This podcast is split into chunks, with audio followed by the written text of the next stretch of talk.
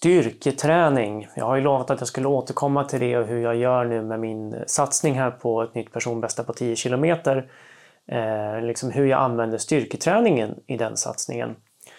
Och då, det följer lite samma principer som jag har för min övriga träning. Att jag eh, utgår från den forskning som finns på liksom ungefär vad som borde vara mest lämpligt för att förbättra just den här kvaliteten. Då. Och sen så lägger jag samman det med en profilering av mig själv, hur jag själv funkar och vad jag själv behöver egentligen förbättra. Då. Så det jag har ganska mycket utgått från när det gäller valet av styrketräning då, det är ju Dels så kan man ju säga då att styrketräning i någon form har i stort sett genomgående visat sig vara bra för löpare, alltså att det förbättrar prestation på, på medel och långdistanslöpning och mycket av det har att göra med att man förbättrar ens löpekonomi. Eh, så det, det är ju en av de här sakerna som är ganska svår att träna sig till. Det är någonting som troligen mest kommer genom många år av löpning och som beror ganska mycket på att man optimerar sin löpstil och sådär. Någonting som jag då förespråkar ganska mycket kommer automatiskt till, till, till stora delar. Då. Men någonting man kan göra åt det, det är att liksom bli mera studsig. Eh, förbättra kroppens möjlighet att återanvända kraften från föregående steg i, i nästa fotisättning. Då. Löpning går egentligen ut på att förlora så lite energi som möjligt vid varje fotisättning. Eh, och att det gör man då genom att snabbt kunna omvandla då den här excentriska belastningen till en, en koncentrisk kraft i varje fotisättning. Och styrketräning har, funkar då så tillvida att man förbättrar ens rate of force development, alltså hur snabbt man utvecklar den kraften som behövs vid varje fotisättning. Man utvecklar ens excentriska styrka, alltså det som krävs för att ta emot kraften vid fotisättningar. Ens reaktiva styrka som är lite samma grej, att ta emot kraften och omvända den. Så det jag har gjort då är att jag har valt att träna ganska explosivt och ganska lätt. Så det man har sett genomgående i forskningen är att tung och eller explosiv styrketräning och plyometrisk träning funkar för att liksom förbättra prestation hos medel och långdistanslöpare. Tung styrketräning då innebär det att man är ganska nära ett RM Explosiv styrketräning innebär att man kör ganska lätta vikter men man försöker att köra det så fort som möjligt. I båda de fallen så försöker man att maximera hastigheten. Så när man kör tung styrketräning så kan man köra med tunga vikter men man försöker att göra så att det går så fort som möjligt. Det är bara det att vikterna är så tunga så att det kommer att gå långsamt. Med explosiv styrketräning så är både intentionen och resultatet en snabb rörelse.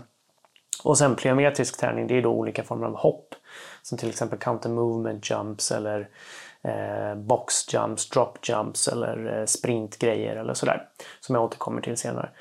Men så jag har då valt att fokusera ganska mycket på explosiv styrketräning snarare än på tung styrketräning. Och det här har att göra med att när jag har gjort tester av min force velocity-kurva, eller krafthastighetskurva på svenska då, så har jag då sett att den är inte riktigt optimerad utan jag har en liten dominans mot att vara mera jag utvecklar mer, för mycket kraft i förhållande till min hastighet kan man väl säga då, för att det ska bli optimal effekt. Och effekt är egentligen det man är ute efter här. Det krävs inte jättemycket kraft i varje löpsteg men däremot så är ju tiden man har att utveckla den kraften ganska kort. Eh, och därför behöver man då en hög effektutveckling snarare än en maximal kraft. Liksom. Det är lite som i, i sprint så är det så att det är mycket större krafter i accelerationsfasen men det är mycket högre effekt i eh, maxhastighetsfarten därför att där är fotisättningarna så mycket kortare så där handlar det om vad man kan göra när foten väl är i marken, liksom att utveckla kraft fort. Det blir inte riktigt så extremt i långdistanslöpning eftersom både krafterna och hastigheterna är ju mycket, mycket långsammare men men det blir ändå en dominans mot att man ska kunna utveckla kraft fort och därför är det det som, som man behöver försöka komma till. Och sen är ju då frågan är man då väldigt snabb, man är lite klen, då kan man behöva jobba mer på sin kraft. Men i mitt fall så har jag då märkt att jag har ganska mycket kraft i förhållande till min ganska klena hastighet. Då. Det här märker man även när jag cyklar. Jag tenderar alltid att välja mycket lägre kadenser när jag verkligen ska köra hårt snarare än de här liksom lite högre kadenserna som uppemot eh, liksom 100-110 som vissa väljer när de ska köra hårt. Jag ligger ju snarare nere på ja, men när jag kör inomhus är det väl kanske runt 60 eh, varv per minut och när jag kör utomhus är det kanske närmare 80 eller något sånt där. Då. Så att jag är lite mera seg. Och då är liksom kanske inte finns kanske inte jättemycket poäng med att jobba mer på min maxkraft utan mer då att jobba på min hastighetsutveckling. Så då har jag gjort så här att jag har en eh, K-box här eh, som eh, görs av företaget Eccentric. Och det den gör det är att den, man använder ett svänghjulsteknologi.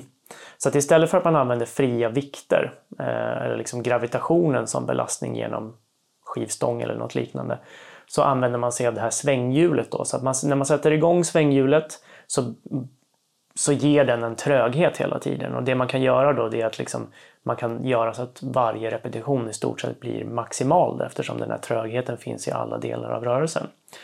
Och det jag har gjort där då är för att både då öva på min explosivitet men också då på min reaktiva styrka. Då har jag gjort så här att jag har kört en repetition med en, en djup knäböj och sen så i den excentriska fasen av den djupa knäböjen, alltså när jag då vänder den rörelsen, så har jag inte gått ner djupt utan jag har gått ner till ungefär där man gör ett counter movement jump, så ganska lite böjning i knä och höfter. Och så har jag bromsat all kraften där och sen vänt den uppåt i återigen då en maximal koncentrisk rörelse. Sen i den efterföljande excentriska rörelsen så har jag släppt efter så att jag har gått ner djupt och sen har jag återupprepat det med då en, en fulldjup koncentrisk knäböj och sen så en grund excentrisk knäböj. På så vis då har jag jobbat med den eh, reaktiva styrkan lite mer i de rörelseomfången där en löpare befinner sig. Så det är inte alls några stora vinklar i, knäna och höften när man sätter ner foten. När sätter ner fötterna utan det är ganska små vinklar där. Då.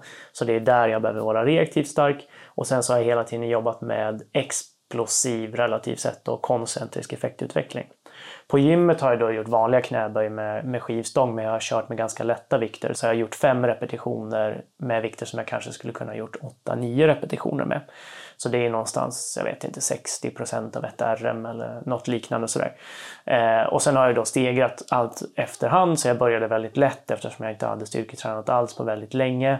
Och nu ligger jag väl, jag vet inte, någonstans kring 80 kilo eller något sånt där när jag gör mina 5 gånger 5 Och det är liksom det går hyfsat snabbt. Det är vikter som som sagt jag hade kunnat göra kanske 8-9 repetitioner och nu gör jag bara 5 repetitioner. Sen varierar det lite med dagsform. I vissa fall så känner man sig mer spänstig och då kan jag lägga på lite mer vikt eller eh, något liknande, kanske köra ett extra set eller så. Och i vissa fall så behöver jag avbryta tidigare. Och lite samma grej är det med K-boxen. Där har jag liksom en effektmätare på den så där kan jag se hur jag ligger till. Um, om det är så att jag har, behöver avbryta för att jag inte är särskilt explosiv längre eller hur jag ska göra eller så. Så det är så jag har gjort med eh, styrketräningen för att försöka liksom korrigera min krafthastighetskurva mot att bli liksom lite mer explosiv. Då. Sen går det ju inte, man brukar säga att det går liksom inte att bli snabb. Antingen är man snabb eller så är man inte det. Och så man, det man kan göra är väl att bli lite snabbare kanske. Och det är ju lite samma sak för mig. Jag är ju inte jättesnabb utan jag är ju liksom någon, start, någon sorts hybridprofil då, om man pratar, med, pratar om det här med vilken typ av eh, fysiologi man har. Eh, men det jag kan göra är som sagt att förbättra min, min individuella kurva. Och sen så har jag då även börjat med lite plyometrisk träning. Till en början så blir det lite lättare övningar så jag gör boxjumps, alltså att jag gör ett counter movement jump upp på en låda. Och då blir det ganska lite stötbelastning och ganska lite belastning på senor och sådana här bitar. Sen framöver så kommer jag nog gå lite mer mot att göra drop jumps, då att man hoppar ner från lådor och vänder det i ett upphopp och sen då börja köra lite sprinter. Men nu har liksom vintern dröjt sig kvar lite här ute i Stockholm så att det har inte funnits tillgång till eh, löparbanor och sådär som jag skulle vilja ha för att kunna springa fort utomhus riktigt. Eh, så att jag hoppas att det, det kommer här framöver. Men eh, jag har påbörjat den här processen och styrketräningen har jag ju kört löpande hela tiden så att nu är det liksom bara plyometriken som ska bli lite mer tongivande här framöver. Och det börjar ju faktiskt närma sig första testloppet här som är premiärmilen Eh, det är egentligen bara lite drygt en vecka kvar. Och jag har fortfarande inte sprungit snabbt än. Jag har fortfarande inte gjort något riktigt högintensivt pass. Och det ska bli väldigt spännande att se vad jag har, vad jag har i buggarna när jag ska springa där. Så är det med den saken. Eh, satsningen rullar på. Jag hoppas att det inte blir någon sjukdom eller annat bakslag här nu för att nu funkar det faktiskt ganska bra. Det var allt för idag. Vi ses och hörs när vi gör det.